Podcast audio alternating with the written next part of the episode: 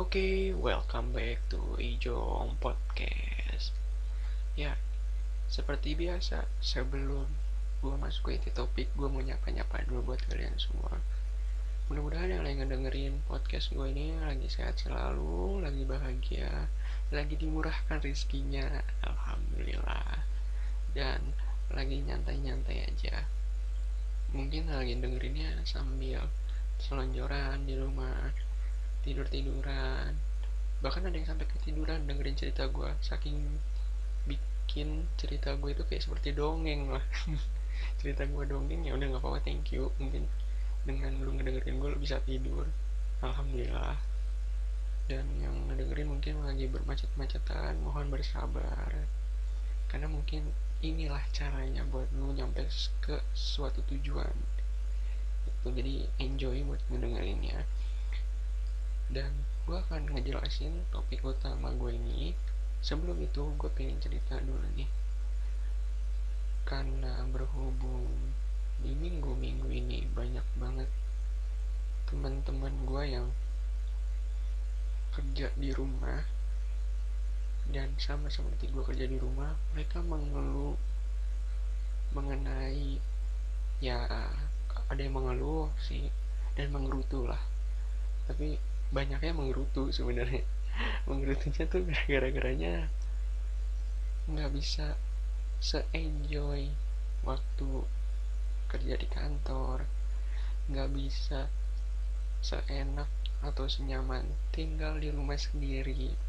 Jadi gini ada teman gue yang ngomong katanya gue lebih enjoy di kantor. Karena kalau di sini kayak susah gitu loh gue kerja. Kayak uh, semuanya harus serba digital. Semuanya serba uh, konkol atau meeting lewat uh, aplikasi meeting ya yang berbasis video call.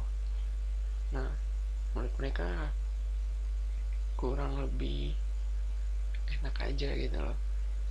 Nggak dapet feelingnya katanya. Gue juga bingung sih. Cuman kalau gue adalah tipikal yang kalau misalnya emang harus seperti itu ya gue terima-terima aja dan perasaan gue ya udah fine-fine aja.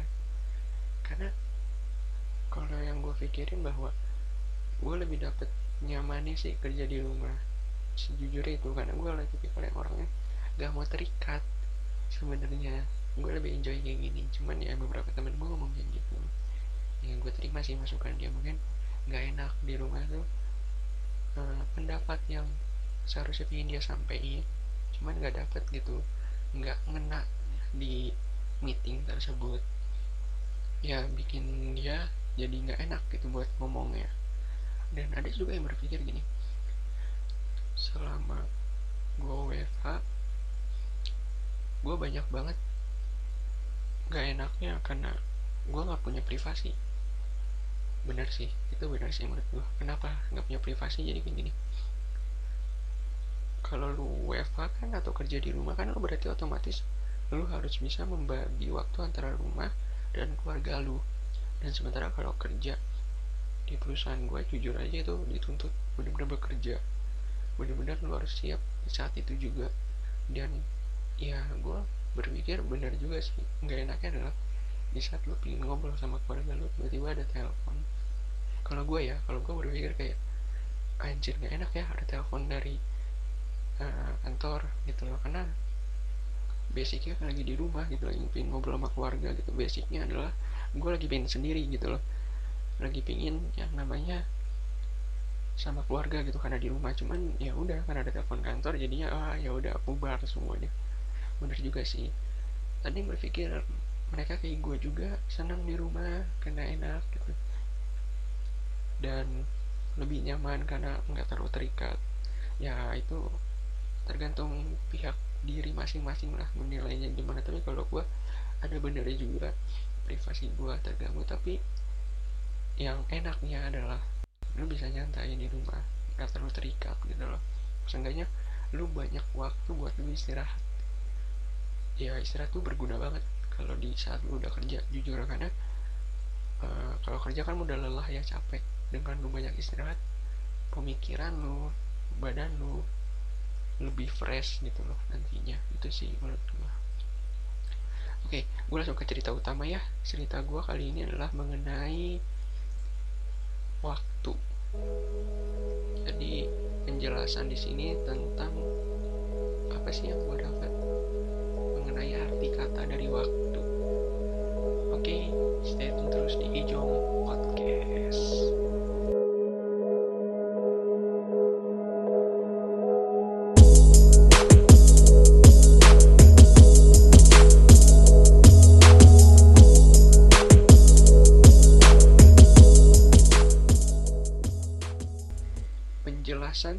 waktu.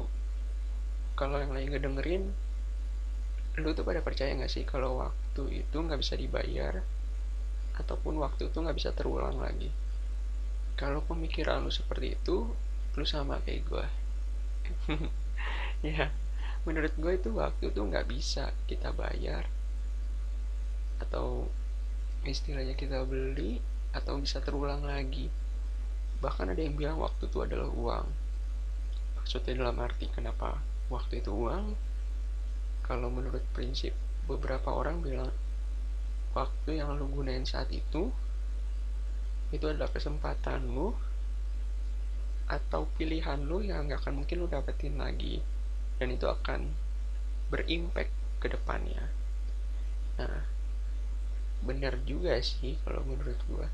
Karena jujur aja ya kalau udah ngomongin tentang waktu tuh kayak ngerasanya banyak banget gitu. Momen-momen yang gak akan gue bisa dapet di masa sekarang ataupun nanti masa depan. Tapi satu hal yang ada yaitu adalah pelajaran. Karena waktu gue bisa dapet ya istilahnya sesuatu hal yang berharga sesuatu hal yang gak akan terulang dan itu benar-benar menurut gue adalah sebuah pelajaran yang mungkin setiap orang berbeda-beda dapetin itu berbeda-beda. Karena gue rasa setiap orang punya waktu atau suasana yang berbeda-beda. Makanya dia bisa seperti sekarang ataupun dia bahkan bisa senyum atau bisa sedih seperti sekarang gitu loh istilahnya. Gila bray. Gue kalau udah banyak yang nanya ke gue coba dong jelasin tentang waktu gitu. Gue agak bingung sih bray kalau ngejelasin waktu. Karena jujur itu general banget dan memiliki banyak arti. Gue di sini ngejelasin dari sudut poinnya gue ya. Kenapa gue bilang waktu itu nggak semua lu bakal lu, lu dapet gitu istilahnya lu dapet di kemudian hari atau lu dapet nantinya ya balik lagi. Kenapa gue bisa bilang kayak gitu? Karena memang pada hakikatnya menurut gue jika seseorang mendapatkan waktu itu kembali dalam arti ya dia udah sempat melakukan hal itu di waktu lampau tapi dia dapat lagi di waktu yang mendatang. Itu tuh nggak akan sesuai. Karena banyak banget perbedaan-perbedaan yang bakal lu dapet. Banyak banget kesan-kesan yang nggak akan mungkin sama dengan masa lampau dengan waktu yang lu pakai di masa lampau contoh kayak gini deh. Kalau tentang ngomongin masa lampau dan sekarang. Gue yakin dulu kan kalau yang namanya anak kecil pasti pada istilahnya belajar. Contoh kayak belajar naik sepeda. Waktu lampau atau waktu dulu tuh lu pasti naik sepeda kan. Belajar dari roda 4 terus ke lepas roda bantuan jadi roda 2 sekarang lu bayangin bakal seindah sekarang guys. Bakal seindah yang lu lakuin sekarang itu kalau lu naik sepeda. Dari lu pakai roda bantuan istilahnya sepeda besar juga sepeda gunung lu pakai roda bantuan. Terus lu lepas roda itu. Terus lu nggak jadi pakai roda bantuan itu dan lu pakai roda dua aja kan? Tapi feelnya perasaannya itu bakal beda nggak kayak dulu yang kayak waktu dulu kan ya namanya lu masih anak kecil ya. Masih perasaannya kayak takut gemeteran. Kalau sekarang kan mungkin rasa takut ada cuman nggak besar. Kayak gitu. Terus kayak hal-hal yang lu mungkin pernah ngebohong sama orang tua lu tentang mungkin lu pulang malam atau apa. Kalau dulu tuh lu pulang malam aja udah deg-degan itu ngomong ke orang tua. Takut dimarahin. Tapi kalau sekarang lu bisa terulang lagi masa waktu itu. Tapi feeling lu perasaan lu tuh udah kayak ah biasa aja orang tua gue mah nggak akan marah banget lah. Karena udah udah terbiasa dengan gue yang dulunya pernah pulang malam dan baru terulang lagi gitu loh. Jadi ya bakal berbeda gitu. loh banyak banget dari sekitar teman-teman gue sempat cerita ke gue tentang waktu gitu loh. Ada yang ngomong gini ke gue coba ya dulu kalau bisa waktu diputer lagi gue pingin deh gue ngelakuin ini. Karena menurut gue kalau gue ngelakuin ini gue bakal dapetin hal atau sesuatu yang gue emang idam-idamkan atau emang gue impikan. Nah itu nggak cuma satu orang yang cerita. Jujur itu banyak yang cerita tentang itu tuh banyak. Terus banyak juga yang cuman bisa ngomong gini ya kalau emang menurut lu, lu cuma mau bisa ngulang waktu berarti lu nggak bersyukur dong apa yang lu dapetin sekarang kalau dalam posisi itu gue ngambil masukan seperti ini berarti ini masukan gue ya. Mungkin bukan yang nggak bersyukur. Maksudnya dalam arti adalah mungkin dia ingin dapat pilihan yang lebih baik. Seandainya waktu bisa diputar dia mungkin pingin lebih baik dari hari ini. Gitu loh makanya kenapa orang mikir coba ya dulu gue kayak gini mungkin sekarang gak akan kayak gini. Simpelnya deh gampangnya coba ya dulu gue belajar. Mungkin gue nggak akan kayak gini nggak akan jadi maaf kata misalnya pengangguran atau nggak punya pekerjaan. Tapi ya udah menurut gue ya mereka udah bersyukur dengan apa adanya gitu. Tapi dia mungkin memilih untuk kalau bisa diulang waktu dia pengen ulang waktu gitu loh ya memang dasarnya memang susah. Kalau kayak gini kan perspektifnya kan beda-beda ya Bray. Ya dalam arti beda-beda ya nggak hanya istilahnya orang itu aja pasti ada orang lain something dan orang yang ngedengerin pun juga mungkin akan berpikir lu nggak bersyukur gitu. Padahal sih menurut gua gua ambil pemikiran dan mengomentarinya bahwa dia bersyukur dia cuma pengen lebih baik aja mungkin. Dan banyak banget kalau ngomongin tentang waktu di diri gue yang benar-benar indah banget. Jujur ya ini gue pengen ceritain yang indah. Ada sih yang sedihnya tapi gue pengen ceritain lu yang indah. Jadi banyak banget di sekitar gue yang karena waktu jadi bikin gue kayak sekarang bikin gue ya berusaha untuk jadi diri sendiri. Karena gue belajar dari waktu waktu yang bikin gue tuh untuk membuat diri sendiri. Gue juga berterima kasih sama orang-orang yang dulu berterima kasih sama suasana yang dulu yang membuat gue seperti ini. Gue adalah tipikal orang yang sedikit introvert tapi berani berbicara tapi nggak ekstrovert banget. Cuman untuk yang sekarang di umur 20-an semakin gue belajar gue udah lebih ke ekstrovert lah. Lebih banyak bicara dibandingin cuman diam menulis bikin puisi. Tapi masih sih gue bikin puisi masih masih banyak banget cerita cerita gue masih banyak banget yang gue bikin hal-hal storytelling atau cerita pendek yang gue tulis terus kemudian gue print dan gue simpan jadi pribadi gue kadang-kadang pasangan gue juga pengen lihat ya apa-apa sih it's fine gitu loh. Cuman emang gue masih tetap melakukan itu. Tapi seenggaknya gue udah lebih baik karena apa Bray? Karena gue udah belajar. Kalau lu emang pingin dihargain lu harus ngehargain orang lain kalau lu pingin orang lain ngeliat lu ya lu harus terbuka gitu loh. Maksudnya dalam arti terbuka ya lu harus coba speak up istilahnya gitu. Terus kemudian dari cerita gue itu tentang waktu adalah mengenai banyaknya yang gue bilang bahwa dulu tuh gue banyak dapat pelajaran tentang lingkungan hidup gue yang gue bilang gue nggak bisa speak up. Gue nggak bisa kayak sekarang. Gue nggak jadi diri sendiri. Karena dulu gue berada di lingkungan yang orang-orangnya emang lebih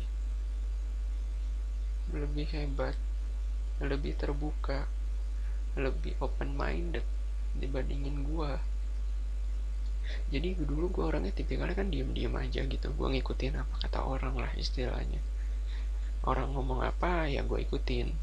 Orang mau kayak gimana pun gue ikutin. Nah gue banyak melihat bahwa dulu tuh gue ada di posisi yang hanya cuman bisa diam. Hanya cuman bisa kayak kalau orang ngomong gini gini gini argumen lu apa? Mereka nanya ke gue gitu. Gue cuma bisa diam. Contoh deh.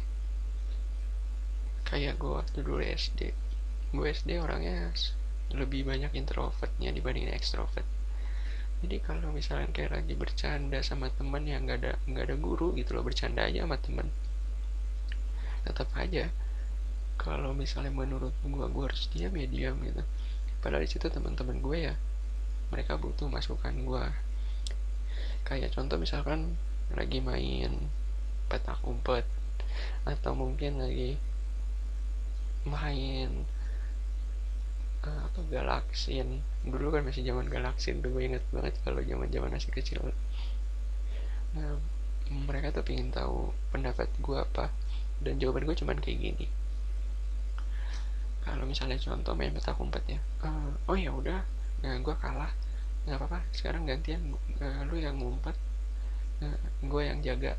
Nah seharusnya gue nggak ngomong kayak gitu karena teman-teman gue tahu bukan gue yang jaga dan ada salah satu teman gue yang benar-benar dia ekstrovert banget benar-benar bisa ngimbangin omongan itu jadi membuat orang lain seperti gue contohnya ngikut aja katanya dia.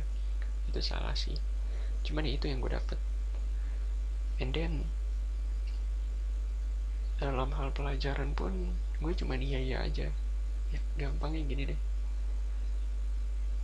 Dulu mungkin yang ngedengerin ya dulu itu mungkin ada anak yang dia emang udah terlahir bisa ngomong cepet waktu pas SD buat nanya-nanya. Ada yang dia cuma bisa mendem sendiri pertanyaan itu. Contoh pada dalam hal pelajaran ya gue tahu kok pikiran lu semua ya lu aja bang nggak mau nanya lu nya aja diam aja. Jujur gue pingin terbuka waktu yang itu tuh gue pingin terbuka banget. Pingin buat ngomong kalau gue tuh nggak ngerti sama pelajaran ini gitu loh. Pingin gue ngomong. Cuman balik lagi. Gue udah siap ngomong tapi hati gue nggak berani ngomong.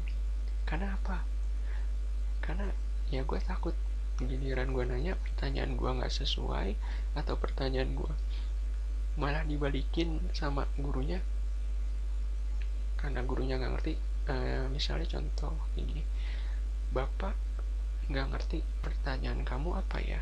Nah kayak gitu gitu loh. Gue takut dapat pertanyaan balik gitu loh. Gue mau nanya benar-benar mau nanya tapi malah dapat pertanyaan balik. Makanya gue diem. Tapi gue iri jujur gue iri kalau ngeliat teman-teman gue yang bisa nanya gitu. Mungkin yang nggak dengerin di sini mungkin ada yang tipikalnya bisa nanya. Gue jujur bangga banget kalau emang tipikal lu yang kayak gitu gitu. Karena susah loh tipikal yang buat tanya ngomong kalau dia emang gak bisa tentang pelajarannya. Zaman SD gue belum berani zaman SD buat nanya. Gue baru berani berani nanya tuh SMA kalau pelajaran gue nggak ngerti. Ataupun tentang harus maju ke depan. Bacain. Kalau zaman SD kan cerpen atau cerita pendek ya. Wah dulu gue nggak berani tuh. Sumpah gue nggak berani. Gue lebih baik menulis cerita pendek yang banyak terus habis itu dikasih ke gurunya. Gue malah sempat dapat masukan dapat masukan banget dari guru bahasa gue guru bahasa gue ngomong gini ke gue waktu pas zaman gue SD eh, kamu nggak berani ya ngomong ke depan gitu. Terus gue cuma bisa jawab mm, iya iya. Nggak berani bu gitu. Kenapa? Hmm, takut salah. Terus kata ibunya iya dicoba. Kalau kamu nggak coba nggak akan nggak akan berhasil. Nggak akan tahu. Terus banyak deh banyak banget yang mereka ngomong nih kalau kamu maju ke depan anggap aja semua tembok. Gue tuh kayak berpikir aduh gimana mau tembok? Mereka tuh natapin gue masa ya gue merem? Kan gak mungkin. Zaman SD juga ngapain gue merem? Tadi ketawa ini gila lu ya. Itu dia. Gue takut dia ngomongin kayak gitu oke? Ya udah gue cuma bisa bilang nggak nggak berani tetap nggak berani bu. Ya udah singkat ceritanya ibu itu nyuruh gue bilang gini ya udah kalau kayak gitu kamu nulis cerpen yang banyak. Itu bukan berarti si ibu itu ngehukum gue ya bukan. Tapi dalam arti dia pingin lebih tahu gitu tentang gue kenapa nih gak mau cerita? Jadi for your information aja guru gue yang SD ini yang bahasa guru bahasa Indonesia gue dia bisa benar-benar mengetahui sifat anak muridnya melalui tulisan tangan melalui pensil yang digunain sama melalui cerita yang diutarakan gitu. Itu bener-bener guru bahasa gue jago banget zaman dulu sumpah. Gue juga nggak ngerti bisa sehebat itu gitu loh. Dan setelah ibunya baca memang bener gitu loh. Ya gue adalah tipikal yang nggak bisa sama sekali untuk merubah diri gue yang menjadi orang yang bisa berbicara tentang semuanya. Nah dari situ gue ingat banget, gue ingat banget gitu. Ibu guru itu cuma ngomong ke gue, kamu ke depannya harus bisa lebih baik ya, karena berjalannya waktu kamu harus bisa jadi diri kamu kamu nggak bisa menutup di belakang seperti ini itu gue ingat banget omongan dia. Makanya kenapa gue selalu bilang jadilah diri sendiri gitu. Gue terkadang kalau sama temen gue juga kalau lagi ngobrol apa mereka curhat terus ada masalah di kantor atau ada masalah sama teman yang lain gue suka ngomong itu ya udah jadi diri lu. Jadi diri lu yang mungkin lu ada yang gak berani ngomong lu speak up atau ada yang lu nggak pedulian coba lu peduli dan gue adalah dulu orang yang tipikal nggak peduli gitu. Gampangnya gini deh. Gue belajar dari waktu ya. Yang sekarang gue udah lumayan peduli lah istilahnya sama orang. Jadi dulu ceritanya adalah uh, zaman gue kuliah. Zaman gue kuliah itu gue punya teman yang memang secara karakter agak beda gitu loh agak beda dari teman-teman gue yang lain. Dan dia ini kosannya dekat gue gitu gue nggak akan bilang ini penyakit atau apa ya nggak nggak akan. Karena ini menurut gue lah mungkin udah karakter ya. Jadi adalah dia tipikal yang kalau ke kampus harus ditemenin sama teman-teman uh, cowok dia orangnya cowok. Uh, jenis kelaminnya ya itu cowok. Gue bingung gue kalau ngeceritain ini karena pada dasarnya juga gue ceritain ini karena ini gue belajar dari dia gitu loh dari waktu ini gitu. Kenapa dia ke kampus nggak boleh sendirian? Karena dia punya sesat, sesuatu hal di diri dia yang dia gampang terpengaruh orang lain. Bukan artinya dia gampang dihipnotis atau apa ya. Enggak enggak. Bukan itu maksud gue tapi dalam arti lah dia adalah tipikal yang mudah banget gitu. Sama orang gak dikenal pun dia bener-bener bisa welcome gitu aja. Gue juga nggak tahu kenapa. Tapi orangnya welcome banget. Emang udah pribadinya kayak gitu ya. Soalnya for your information aja nih waktu itu orang tuanya pernah datang ke kelas pas lagi nggak ada dosen. Dia udah ngomong sih ke sekolah ke, ke sorry sekolah lagi ke kampus gue itu bahwa anaknya adalah seperti ini. Dan dia ngomong ke teman-teman gue juga anaknya seperti ini tolong dibantuin jagain ya. Karena orang tuanya bilang itu anak satu-satunya dia. Jadi at least nggak cerita setelah orang tuanya beberapa tahun yang lalu ngomong kan itu gue terjadi sama dia tuh di semester 5 semester 5 dan dia masih seperti itu gitu. Gue ngobrol sama beberapa teman gue karena besoknya itu adalah gue satu kelas sama dia satu satu ruangan lah istilahnya. Nah jadi singkat ceritanya teman gue ngomong gini lu besok bareng sama India ya gitu, gitu. terus gue nanya kenapa ya lu bareng lah. Jangan gitulah sebagai temen. Ih, terus gue bilang kan gue nggak nggak terlalu kenal Bray sama dia. Ya udah seenggaknya lu pernah satu kelas sama dia. Emang kenapa sih? kata gue gitu. Gue tahu kok kata gue gue tahu kok dia emang nggak bisa sendirian karena emang karena masalah ini ini ini gue jelasin. Ya udah kan gue tahu. Sedikit peduli lah. Terus gue kayak ya udah masuk kuping kiri keluar kuping kanan and then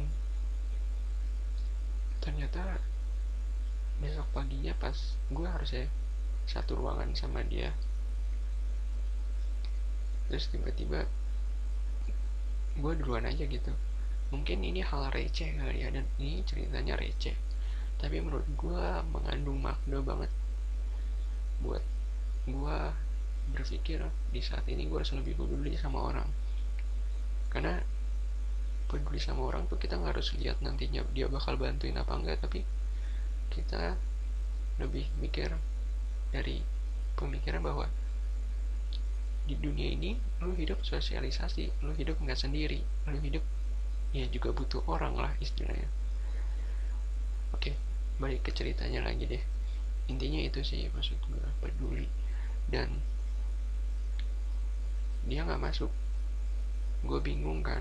Kenapa gue bingung? Karena waktu saat gue bingung itu ditanya sama dosen nah teman kamu mana? Kok dia nggak masuk. Terus gue ngomong lah kan pak. Dia mana dari kosannya sendiri pak. Bukan sama saya dan bapaknya kayak diam aja. Sebenarnya bapaknya tahu gitu kalau anak ini memang butuh dibantu gitu. Temen gue ini butuh dibantu dan yang bisa bantu cuman gue karena waktu itu yang sekelas cuma dua gitu singkat cerita pelajaran habis dan akhirnya dosen itu menghampiri gue dia ngomong kamu coba deh lebih peduli sama orang. Bukan berarti kamu harus ngambil artinya kalau kamu peduli sama orang orang itu bakal baik lagi ke kamu. Atau orang itu akan bantuin kamu di saat kamu butuh. Bukan itu katanya. Kamu peduli sama orang karena dari hati kamu kamu orang baik dan manusia itu hidup sosialisasi. Itu kena banget di gue sumpah. Dan ini receh. Setelah gue ngobrol sama dosen itu gue juga berpikir agak receh ya di sini. Jadi dia nggak masuk gara-gara dia udah mau ke kampus udah mau jalan gitu. Cuman tiba-tiba dia dipanggil sama temennya yang satu kelas juga sama gue tapi beda beda jam. Maksudnya dalam arti beda jam kuliah. Jadi pas dia udah mau jalan ke kampus dia ditanya sama temen gue yang jam kuliahnya ini beda. Dia bilang lu ngapain? Mau ke kampus? Udahlah kita ke warkop dulu ngopi-ngopi dulu. Nah di situ.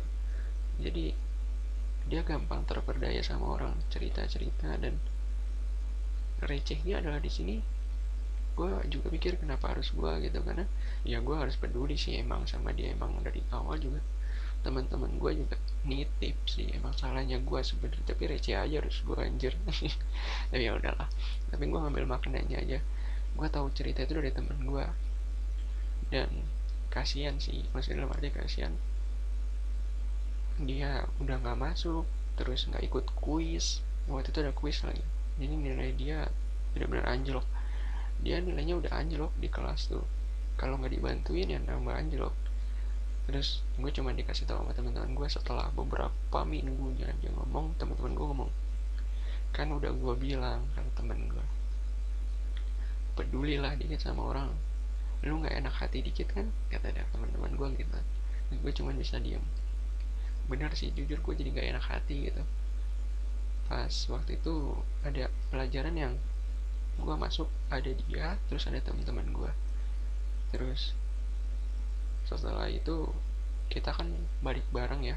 Padahal kan emang namanya satu kelas terus ngeliat di mading gitu di mading kampus di lorong itu ada kuis gitu loh.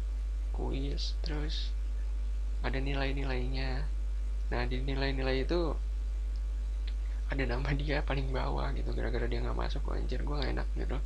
Karena kekurangannya itu loh. Jujur gue nggak enak. Ya bukan berarti gue mengasihani tapi gue nggak enak karena gue nggak peduli. Gue nggak jadi diri sendiri. Nah dari situ gue belajar. Waktu tuh benar-benar bikin lo tuh berubah jadi orang yang lebih baik menurut gue itu. Dan ruginya adalah ada beberapa ruginya. Salah satu poin yang bisa gue ambil mengenai ruginya adalah karena waktu. Gue berpikir gue pingin gitu. Ada yang gue ulang di satu waktu dan mungkin gue gak kayak sekarang gitu. Simpelnya kayak gue cerita tadi deh kenapa rugi. Jujur kalau gue emang orang yang lebih berani lebih ekstrovert lebih banyak berbicara mungkin ya gue nggak akan kayak gini. Pekerjaan gue juga nggak akan kayak gini. Mungkin pekerjaan gue ada yang lebih baik. Atau gue bisa jadi dokter. Dulu cita-cita gue pengen jadi dokter gitu. Sekarang cuma jadi orang kantoran. Karena gue jarang belajar dan satu hal gue orangnya emang dari dulu nggak berani buat speak up. Buat nanya-nanya.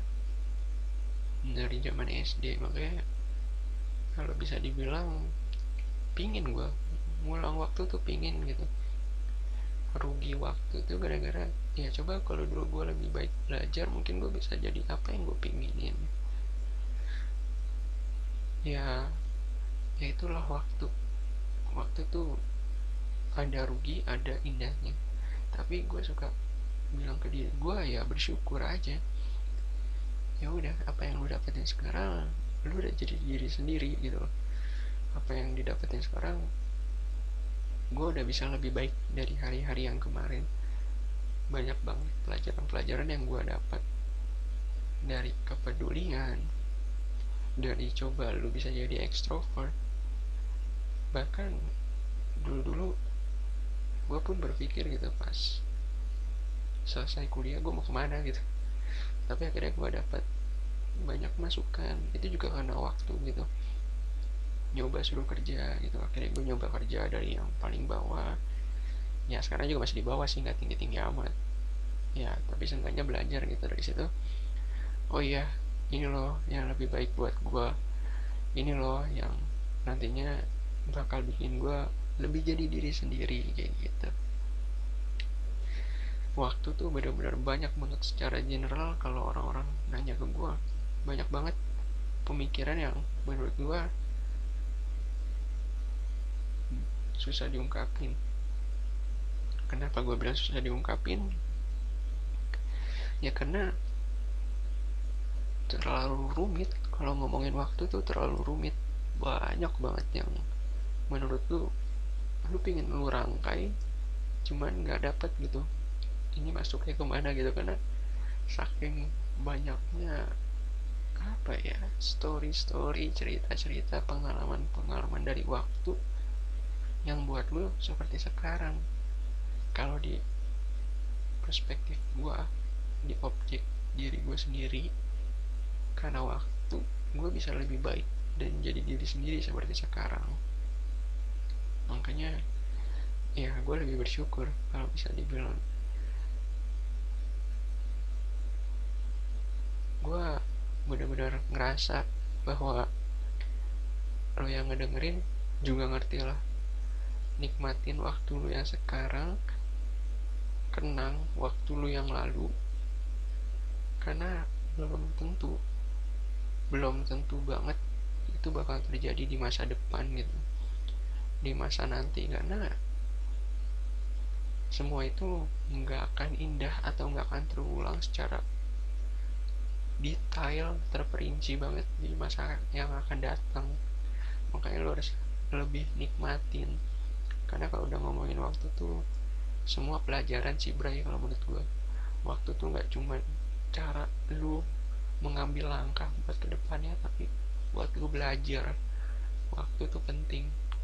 Jujur kalau menurut gue waktu pun penting di hidup gue kayak gitu sih menurut gue ya dari cerita ini itu saran gue lu boleh ngambil yang baiknya yang buruk-buruknya ya lu buang. And then kalau lu suka sama cerita ini lu boleh subscribe dan like. Lu boleh share ke teman-teman lu juga. Kalau lu nggak suka ya lu dislike. Dan Ijong Podcast ada di Spotify. Kalau lu mau cari tinggal klik kolom search lu cari cerita yang lu inginkan dan kalau lo suka lo boleh follow dan share juga link Spotify ke teman-teman. Gitu. Oke akhir kata sekian dulu cerita gua. See you next time safety and bye bye